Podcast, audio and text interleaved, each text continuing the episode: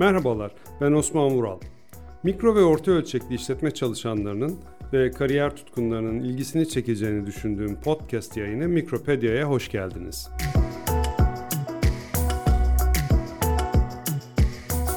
Bazen sorularımızı konunun uzmanlarına yönelteceğiz.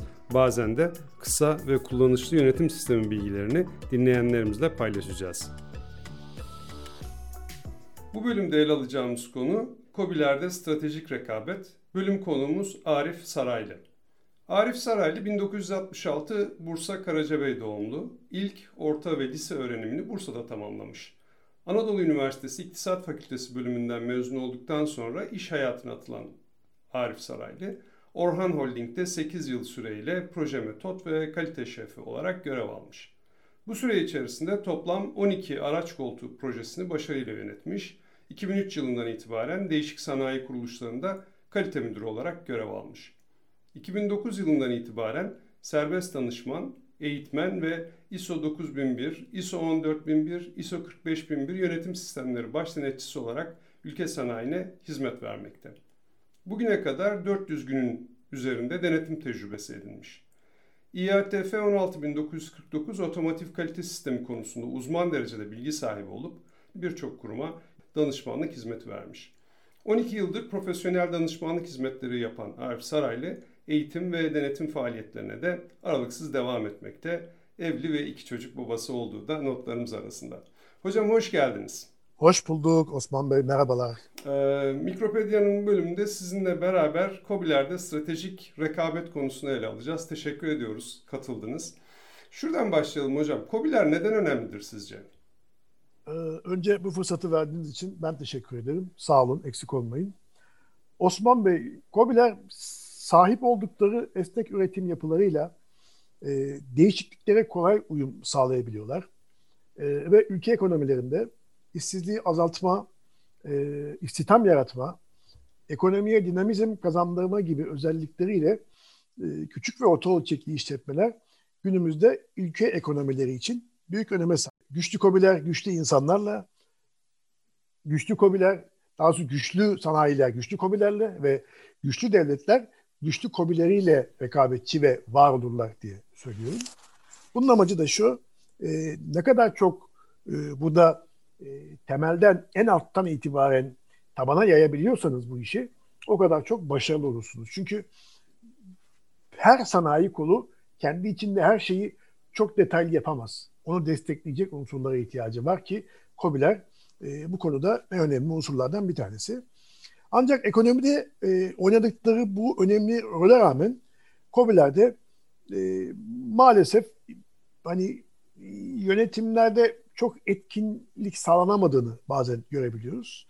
Ve bu yoğun rekabet koşullarında başarılı, başarılı olabilmeleri konusunda bazı sıkıntılar mevcut. Peki hocam, stratejik yönetimin COBİ'ler için amacı ne olmalı sizce? Şimdi e, takdir edersiniz ki strateji tanımı itibariyle gelecekte nerede olmak istediğinizi ya da hangi yöne gitmek istediğinizin belirlendiği bir planlama çalışması, bir e, projeksiyon çalışması. Stratejik yönetim geleceğe ilişkin belirsizlikleri ortadan kaldırma ve rekabet üstünlüğü sağlama gibi faydalarıyla küçük ve orta ölçekli işletmelerin varlıklarını başarılı bir şekilde sürdürebilmelerine e, etkili olmaktadır. COBİ'lerde şayet etkin bir stratejik yönetim modeli uygulanacaksa veya bunun düzeyi belirlenecekse stratejik yönetim faaliyetlerinin neler olduğunu, stratejik planlamanın yapılıp yapılmadığını, stratejik yönetim sürecinin ne şekilde işlediğine iyi bakmak lazım. Ayrıca stratejik kararların işletmede hangi organizasyonel düzeyde alındığını, yani tabana kadar yayılmış mı? Tüm çalışanlar, tüm paydaşlar bundan haberdar mı? Herkes bunun farkında mı da dahil? Bunun farkında olunmasının sağlanmasına ihtiyaç var, gerekli. Ayrıca stratejik yönetim araç, yöntem ve tekniklerinin ne ölçüde tanındığı ve kullanıldığı da ortaya konabilmeli. Peki, e, COBİ'lerde ülkemizde son durum nedir? Bununla ilgili bir veri, bilgi var mı? Şöyle ki, e, bununla ilgili yapılan bir sürü anket var, araştırmalar var. Bunlar internette e, bulunabilecek şeyler. E, buna baktığımızda yapılan anketler sonucunda araştırmaya katılan giren işte 1000, 1500, 2000 işletme içinde neyse işletmelerin stratejik yönetim modelini yeterince tanımadıkları ve uygulamadıklarına ilişkin bazı ciddi veriler var. Ee, stratejik planlama tuzaklarına düştükleri ya da hani bizde biraz şeydir, ülkemizde çok meşhurdur bu. Hani biri bir şey yapar, hemen ona e, şey olur, e, biraz jan janlanır sunulur ya. İnsanlar evet, aa bak burada bu varmış gibi bir şeylere çok çabuk kanıyorlar. Bu, bu laf, kanma lafı yanlış anlaşılmasın. Aslında kandırılıyorlar. Bu işi e, doğru düzgün yapabilecek sağ deneyimi olan, endüstriyel deneyimi olan insanların timiyle bu işin farkına varabilmek. Bu net biçimde yapılmalı. Bu bakımdan COBİ'lerin kendi özelliklerine, ihtiyaçlarına ve faaliyet alanlarına uygun bir stratejik yönetim modeliyle araç, yöntem ve tekniklerin e, önerilebileceği stratejik yönetim konusunda bilinçlenmeleri ve desteklenmeleri gerektiği sonucuna varılmış. Bu yapılan araştırmaların sonucunda. Peki, e, COBİ'ler rekabetçi bir strateji için nereden başlamalı? Şimdi, ne yapmalı? Bu da bence en önemli şey müşterinin sesini çok iyi dinleyebilmeli. Yani müşteri ne bekliyor? Müşteri beklentisini çok iyi anlamalı ki bununla ilgili bir hikaye anlatmak isterim. Ankara'da Cinnah'ta bir iş merkezinde e, bir yönetici saat 4-5 civarı camdan bakarken hani köşedeki simitçi görüyor fark ediyor. Ha diyor hani bu çay saatidir hem arkadaşlarımızla bir motivasyon olur. Gideyim diyor birkaç simit alalım da hani bir çay simit beş çay yapalım gibilerinden. İniyor aşağıya simitçinin yanına gidiyor bakıyor simitçi yok tezgahta. Allah Allah az önce buradaydı gibilerinden.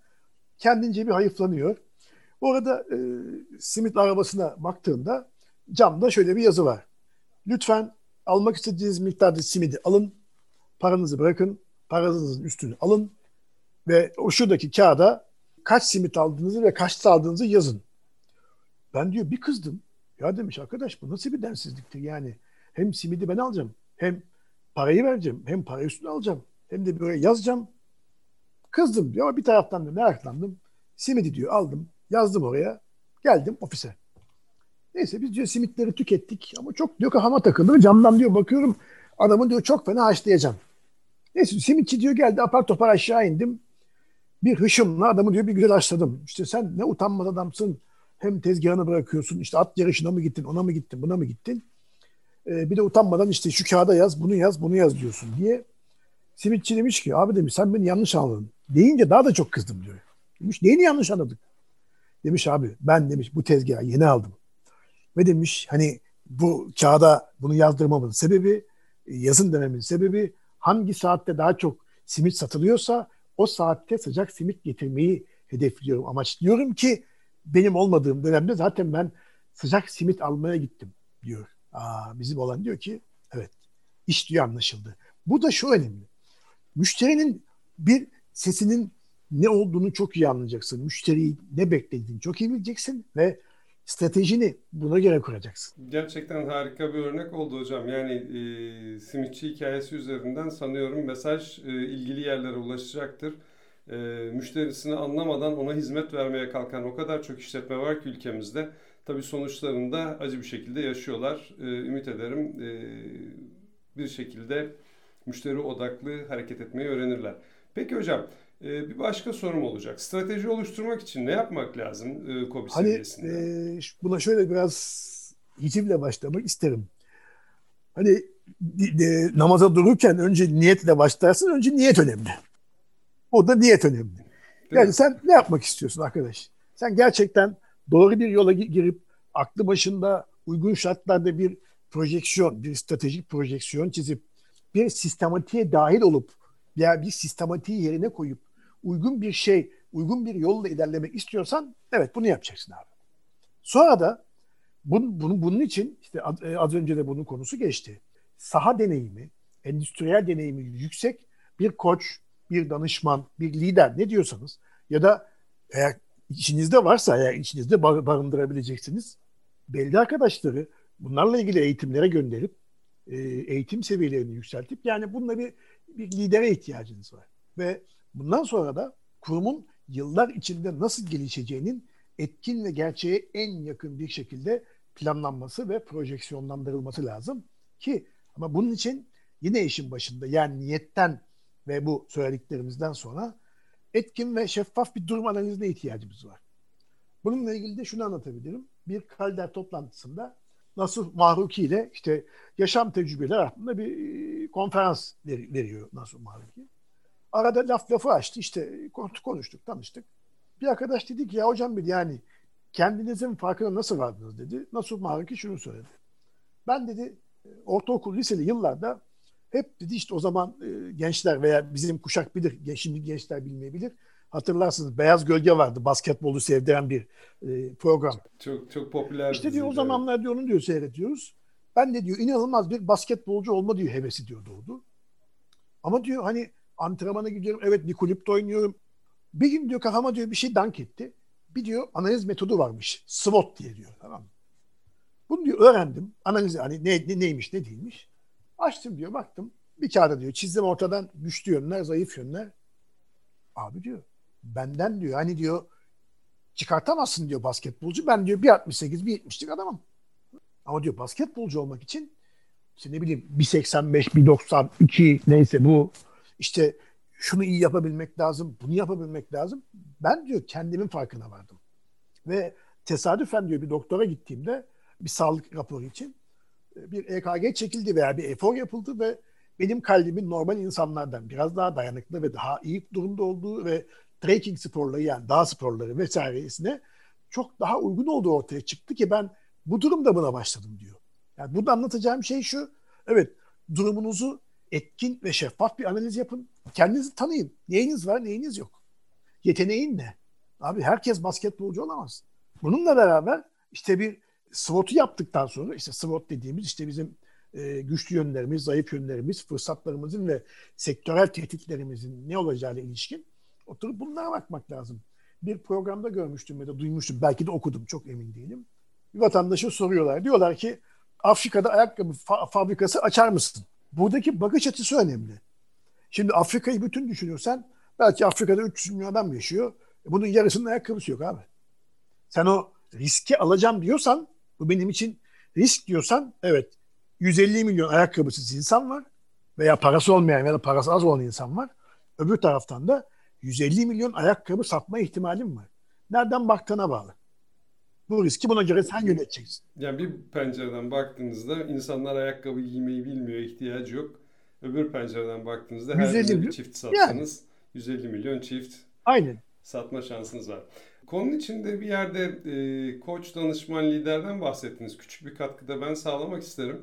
Tabii burada hizmet alınan e, ya da alınacak olan e, koç, danışman ve liderin çok iyi tanımlanması lazım. Çünkü piyasada biraz toz duman bir konudur bu. Kartvizite baktığınızda pek çok insanın kartvizitinde danışman olduğu iddiası vardır. Ya da koç olduğu iddiası vardır. Ama e, bunların pek çoğu e, uluslararası e, standartlara uygun hizmet vermek şöyle bir yana e, gerekli e, tecrübeye dahi sahip değildir. Yani size bir konu hakkında fikir e, aktarabilecek gerekli tecrübeye dahi sahip olmayabilir.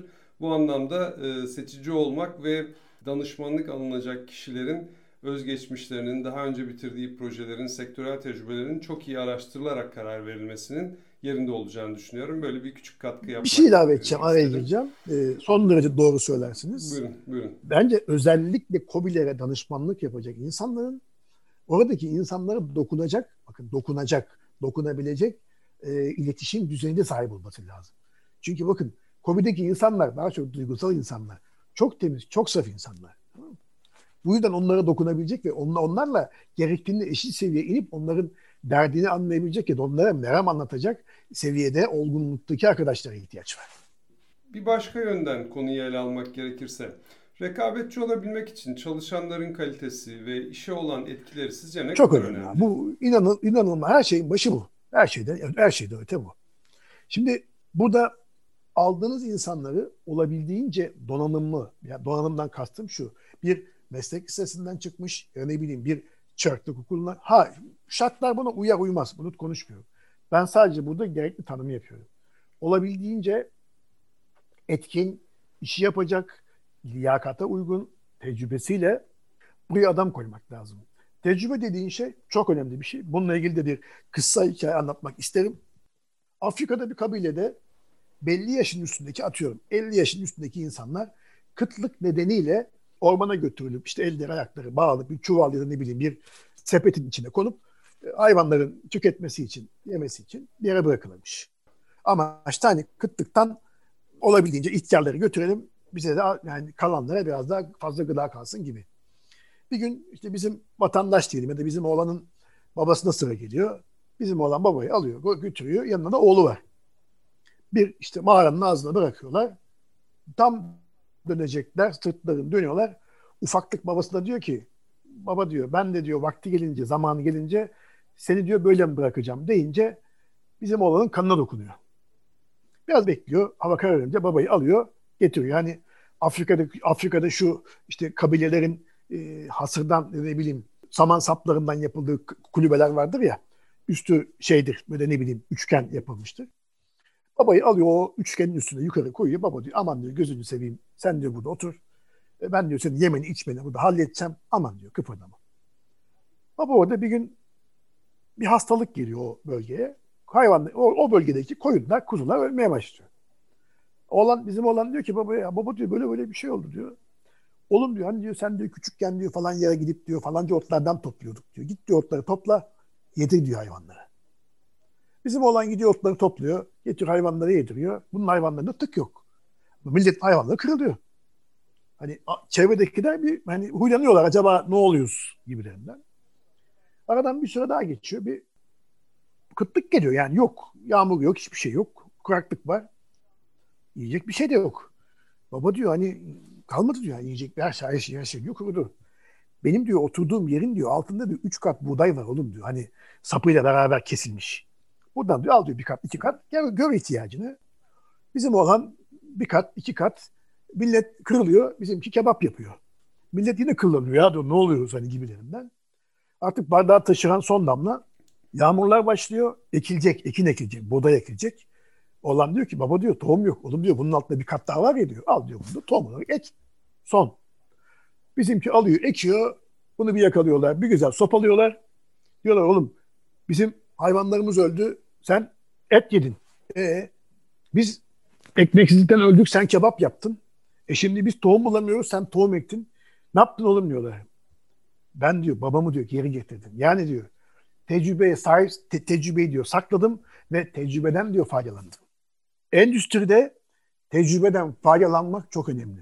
Amerika'yı bir daha keşfetmenin alemi yok. Bizde ise e, şöyle bir kanı çok yaygın. İşte yeni jenerasyon e, birazcık e, eğitim seviyesi olarak daha üstte olunca sanki işlerin başına geçtiğinde bambaşka bir yöne gidilecek. Eski tecrübe ya da eski uygulamaların hepsi hatalı. Halbuki işletmenin kültürünü oluşturan o ana gelene kadar sergilenmiş olan hikayeler. Bunları yan yana getirdiğinizde işletmenin kültürü ortaya çıkıyor. E, ama bunu silerek bir şeyler yapmaya çalışıyorlar. Tecrübeden özellikle COBI seviyesinde son derece fazla yararlanılmasına gerektiğine inanıyorum. Bu her yerde Osman Beyciğim hani meşhur bir hikaye daha vardır. Bir makine arıza yapıyor. İşte buradaki montörler, bakımcılar vesaire çözemiyorlar. Montörü çağırıyorlar. Orijinal montör geliyor. Adam elinde bir steteskopla makineyi dinliyor. Bir yere çekiç vuruyor. Hani meşhur hikayedir. Ee, makine çalışıyor düğmeye basınca. Fatura kestiriyorlar. Amcam fatura kesiyor. Bin dolar. Patron diyor ki ya siz manyak mısınız diyor yani. Bu böyle. İtalyan faturayı yırtıyor veya montör. Yeni fatura kesiyor. Diyor ki çekiç vurma bedeli 1 dolar. Çekicin nereye vurulacağını bilme bedeli 999 dolar. Evet. Bu iş böyle abi. Evet, evet. Bu iş böyle. Peki hocam, e, KOBİ diyoruz. E, KOBİ dediğimizde otomatikman rekabet akla geliyor. Rekabetin en temel anahtarı ya da başka bir deyişle anahtarları nelerdir sizce? Endüstride hani bizim bize öğretildiğinde her işin başı abi bir iş disiplini. Benim bir tanımım var. Olmazsa olmaz disiplin diye. Önce bir iş, iş disiplini olacak abi. Bu işin nasıl yapılacağını, hangi sistematikte yapılacağını, hangi disiplinde tekrar edebileceğine ilişkin bir disiplin olacak. Bunun adına biz standartizasyon diyoruz.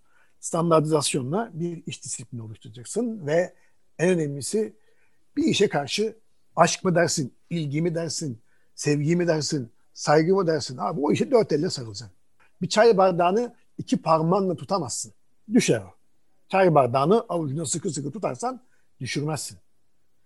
Bunun için yapılacak ürün ya da hizmeti çok iyi etüt edip değişkenleri en aza indirip en az kayıpla en iyi verimi yakalamak önemli. Hani bu biraz da yalın ülkelerindendir. İşte yedi kayıp vardır, yedi ısraf vardır gibi. Çok iyi bir yöntem çekeceksin önce. Ondan sonra bu işi çok iyi etüt edeceksin. Bu etüdün içinde mesela yine bizim tanımlarımızdandır ıı, şeyinde fonksiyon analizini çok iyi yapacaksın abi. Yani o iş senin istediğin şartta ilave bir şey gerek duymaksızın eksik bir şeye eksik bir şey kalmadan, eksik bir yönü kalmadan istenilen şartlarda dört dörtlük yapılıyor mu, yapılmıyor mu? Buna göre içeride gerektiğinde makine yerleşimini etkin kurmanız lazım. Ona göre makine seçmeniz lazım. Ona göre adamı yetiştirmeniz lazım. Çalışanlarınıza evet sürekli bir eğitim verin ama verdiğiniz eğitimlerde de bu verdiğiniz eğitimleri insanlar anlattırın ki onların beyinde yer etsin. Yoksa hiçbir anlamı yok. Adama her, her gün bir şey anlatıyorsun. Adam hep anlatıyorsun. Ama adam adam bir şey anlatmıyor. Adam bunu öğrendi mi? Adam bunu uygulayabiliyor mu? Adam bunu geliştirebiliyor mu? Buna bakmak lazım. E, rekabetin anahtarlarında en önemli şeylerden yine bir tanesi inovatif yaklaşmak lazım ve farklı üretim yollarını bulmak lazım. Çünkü rekabette herkes aynı şey yapıyorsa hiçbir anlamı yok ki. Dedik ki işte plastik enjeksiyon işi yapıyoruz. Varsaydım. Dünya üzerinde diyelim 10 bin tane plastik enjeksiyon işi yapan firma var. Sen onlardan biraz farklı bir şey yapacaksın ki öne çıkasın. Sen tercih elinden ol. Bir şeyi daha ekonomik, daha kaliteli, daha verimli, daha kısa sürede bir şey ya, bir şey olmak zorunda. Ve hani biz hep söyleriz, unutmayın fark yaratan farklı muamele görür. Peki üst yönetim nasıl olmalı bu KOBİ dediğimiz yapılarda? Çoğunlukla e, patronun yönetici olduğu yapılar burada e, söz konusu. Sizin bu konudaki görüşleriniz nedir? Ben hep bu konuda danışmanlık yaptığım yerlere de ilk gittiğimde de şu soruyu sorarım. Patron musun, genel müdür mü? Diyorlar ki ya bu nasıl soru? Ben diyor genel müdürüm. Kobilerde bizde daha çok patronlar var. O zaman iki tane masa olacak, iki tane şapka olacak abi. Bir insan hem patron hem genel müdür olabilir ama o zaman iki tane şapkan olacak ve şapkaları yerinde kullanacaksın. Bir kobi yönetiyorsan ufkun açık ve özellikle çalışanlarına bir şey aktarıcı, çalışanlarına bir şey öğretici e, olmak zorundasın. Başka türlü bu işin şeyi yok. Klasik patron mantığıyla ben yaparım oldu, ben e, getiririm oldu, ben ben söyledim oldu yok. Burada paylaşımcı, yönetsel odaklı, daha doğrusu liderliğe daha yatkın, e, liderliği daha çok seven, süreçleri çalışanlarıyla beraber etki yöneteceğini düşünen bir formatta olmak her zaman daha katma değerli, daha verimli bir metot diye düşünüyorum. Hocam e, sohbetimizin başından beri defalarca sistematik dediniz. Nereden başlamalı bu sistematik yaklaşım? Bu sistematik yaklaşım hani bütün standartların başında var. PUKO döngüsü diye bir şey var. Meşhur. Kısaca anlatalım. Planla, uygula, kontrol et ve önlem al harflerinin başından oluşan PUKO döngüsü. Yani abi ne iş yapıyorsan, evinde de bir iş yapıyorsan önce planlayacaksın. Mesela hanım ilk evlendiğimizde ki 20 küsur sene oldu. Tatile gideceğiz. Dedim ki hanım çıkart kağıdı kalemi. Ne oldu dedi ya sen manyak mısın dedi bana. Yıllar önce yaşandı bu. Dedim niye? E dedi ne yapacağız kağıdı kalemi? Dedim planlama yapacağız. Neyi dedi planlayacağız? Kızım yanında ne alacaksın? Kaç gün ne, neye ihtiyacın var?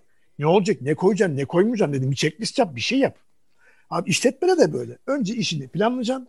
Sonra planı uygulayacaksın. Uygularken bunu kontrol edeceksin. Yani planladığın gibi yürüyor mu? Yürümüyorsa bu kontrol sonucunda çıkacak ve ona göre önlem alıp bir daha hayatını sürdüreceksin. Her şeyin başı bu. COBİ'lerin ana e, kalemi ürün ya da hizmet. Bir ürünü ya da hizmeti sürdürülebilir e, sağlayabilmek ya da üretmek için ne yapmak, nereden başlamak gerek? Biraz daha ileriden, yani ileriden derken e, bizim APQP dediğimiz yani ileri ürün kalite planlaması ki bu otomotivde bir proje yönetim metodudur. Bir projeyi ne kadar etkin yönetirseniz sonuçları o kadar başarılı olur. Buradaki amaç etkin bir proje yönetimiyle mümkün olduğu kadar sıfır hata mantığıyla o parçanın üretimini devreye alabilmektir. Özellikle e, Japonya tarafında işin masa başı faaliyetleri 3 yıl kadar sürüyor. Realizasyonu yani aracın e, hayata geçirilmesi, yapılması, prototiplerin ortaya çıkartılması 2 sene. Avrupa ve Amerika'da üreticilerde tam tersi. Onlarda 2 sene proje var e, masa başında. 3 sene sahada uğraşıyorlar. Bu yüzden Japonların proje yönetiminde veya yeni araç devreye almada daha etkin ve daha ucuz maliyetli iş yaptıkları hep anlatılır söyledi. APQP'de işin içinde etüdü de var, metodu da var, e, hattın tasarımı da var, makinenin, ekipmanın her şeyin tasarımı var. Olabildiğince bunu mümkün sıfır hata mantığıyla ki artık günümüzde ne kadar az hata yaparsan o kadar çok para kazanıyorsun. Bir sorum daha olacak. Ondan sonra da yavaş yavaş toparlayacağız. Müşteri ilişkileriyle ilgili e, bu bağlamda neler söylersiniz? Müşteriyi nasıl memnun etmeli COBİ'ler? Müşteri bir kere e, tanım itibariyle farklı farklı tanımlar var ama Japonya Japonlardan gidelim. Japonlar diyor ki müşteri kraldır. Evet, müşteri kral olma koşullarını yerine getirdiği sürece kraldır. Bunun için sürdürülebilir e, kalitede, sürdürülebilir özelliklerde ya da beklentileri karşılayan bir üretmek, üretim yapmak ya da hizmet sunmak en önemli konu. Bunu zamanında ve en uygun miktarda teslim etmek, hatta bizim just in time dediğimiz yani tam zamanlı üretimle, olabildiğince az stokla, az stok maliyetiyle, etkin İngilizce tanımı single minute and change die dediğimiz tek dakikalarda kalıp değişimi metotları ile olabildiğince az stokla çok verimli, etkin ve zamanlı üretim sistemleri geliştirebiliyorsanız müşteriyi memnun edersiniz. Hatta bununla ilgili bir örnek anlatayım başımıza geçen. Bir endüstri kurumunda çalışıyoruz. Bunun aynı zamanda beyaz eşya sektörüne yapan, parça yapan bir grup işletmemiz de var. Bir üretim müdürü abimizle, Ahmet abimizle beraber Eskişehir çamaşır, Ağçelik çamaşır fabrikasına, e, buzdolabı fabrikasına gidiyoruz. Bozüyük'te mola verdik. Ömür tesisleri var. Çok güzel köfte yaparlar. Gidenlere tavsiye ederim. E, mutlaka bir yesinler. Gittik oturduk işte söyleme sahipti. Köftemizi yedik. Hesap istedik. Garson arkadaş, görevli arkadaş geldi. Hesabı getirdi ama hesap tabağının içinde iki tane poşet içinde plastik diş fırçası var. Dedim bunu bu ne? Abi dedi diş fırçası. Dedim hayırdır yani ne oluyor? Kim istedi? Nereden çıktı? Abi dedi hani bu da insanlar dedi köfte yiyor. Biraz içinde soğan muğan bir şeyler var. Hani gittikleri yerlerde insanlara rahatsızlık vermesin diye biz böyle bir hizmet sunuyoruz. Dedim bunu nasıl kullanacağız? İşte gösterdi açtı bir tane. Fırçanın tüyleri ya da kılları plastikten, ince bir plastik. İçinde altta bir hazne var. O da beyaz bir şey var. O kılların altından yukarı doğru bastırdığınızda macun yukarı doğru çıkıyor diyor ki gösterdi. Hafif dedi suyla ıslatırsanız dişinizi fırçalarsınız. Bakın bu beklenti üstü bir şeyde, hiç beklemediğin bir şeyde şaşırıyorsun. Ve eğer müşteriyi şaşırtırsan müşteri asla senden vazgeçmez. Bir diğer bununla ilgili ilaveten söyleyeceğim. Özellikle yurt dışından müşteri edinmek sizin için katma değerli olacaktır. Bu kesin bir şey. Ee, yani ihracata çalışmanız e, bir COBİ'nin gelişimi için çok çok önemli bir şey ki yapabiliyorsanız bunu mutlaka yapın. Müşteriye özel olduğunu hissettirmeniz lazım. Müşteriye her zaman onun yanında olduğunuzun yolunu, e, e, metodunu göstermeniz lazım. Müşteri sizden bir şey istediği an olabildiğince anlamlıysa yerine getirin. Sohbetimiz çok güzel ama e, sonuna doğru geldik. E, sohbetimizi e, sonlandırmadan önce önerileriniz neler KOBİ profesyonellerine? Şimdi ilk önce önereceğim konulardan bir tanesi bu genel bir şey. Yapacağınız en iyi iş bildiğiniz iştir. Fantaziye kaçmayın. Bazı arkadaşlar ki doğru gidenleri tenzih ederim. Ya diyorlar çok karlı bir iş var. Abi o işi bilmiyorsan yapmanın hiçbir anlamı yok. Batarsın. Önce en iyi bildiğin işi yapacaksın. İki, lükse dikkat edin abi. Yani lüks, çok lüks yaşamak özellikle kobiler için tehlikeli bir şey. Adam batırır. Batanları tanıyorum. Bir diğer eğiticiler ne kadar kalitesi, kaliteliyse yani sizin danışmanlık hizmeti aldığınız ya da alacağınız insanlar ne kadar kaliteliyse eğitilenler de o kadar kaliteli oluyor. Bunu İlber Hoca söylüyor. Ben değil. Bu yüzden özellikle saha deneyimi yüksek danışman mı olur, koç mu dersiniz, abi mi dersiniz, ne dersiniz? Bunları iyi seçin. İyi seçmek çok önemli. Hatta hatta benim Bursa'da ipekçi, ipek işi yapan bir arkadaşım var. E, dükkanın camında şöyle bir şey yazar. Der ki hiçbir mal ve hizmet çalmadan, çırpmadan ya da eksik yapılmadan, içinden çalınmadan daha ucuza satılamaz. Bu iş böyle. Yani her malın, her ürünün bir ederi var. Dolayısıyla kalitenin de bir bedeli var. Ee, olabildiğinizce çalışanlarınızla paylaşın. Kararında sahip çıkın. Ne çok az ne çok fazla. Onlar ne demek istediğimi anladılar. Son olarak söyleyeceğim. Müşteri, müşterilerinizi işler yolunda gitse bile belli bir zaman aralığında mutlaka gidin, ziyaret edin, yüzünüzü unutturmayın. Çünkü müşteriyle iletişim çok önemli her şeyin başı. Çok çok teşekkür ediyorum bana bu fırsatı verdiğiniz için. Sağ olun, var olun. Hocam çok keyifli bir sohbetti gerçekten. Ee, gittiği yere kadar gitsin istiyor ama tabii bunların da bir zaman sınırı var. Ee, ağzınıza sağlık. Çok kıymetli bilgiler paylaştınız bizimle. Ee, önemli olan saha deneyimi olan birinin bunları anlatması ve siz e, fazlasıyla bu deneyime sahip kıymetli e, konuklarımızdan biri oldunuz. Çok teşekkür ederim. Ben teşekkür ediyorum. Bugünkü konumuz e, COBİ'lerde stratejik rekabet ve konuğumuz Arif Saraylı'ydı. Arif Saraylı ile stratejik rekabet konusunu birlikte ele aldık. Sizlerle paylaşmaya çalıştık.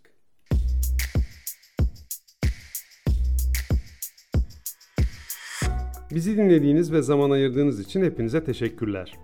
İşletme ve yönetim sistemleri ile ilgili sorularınızı bize mikropedia.gmail.com e-posta adresinden gönderebilirsiniz. Bir sonraki bölümde görüşmek üzere, hoşçakalın.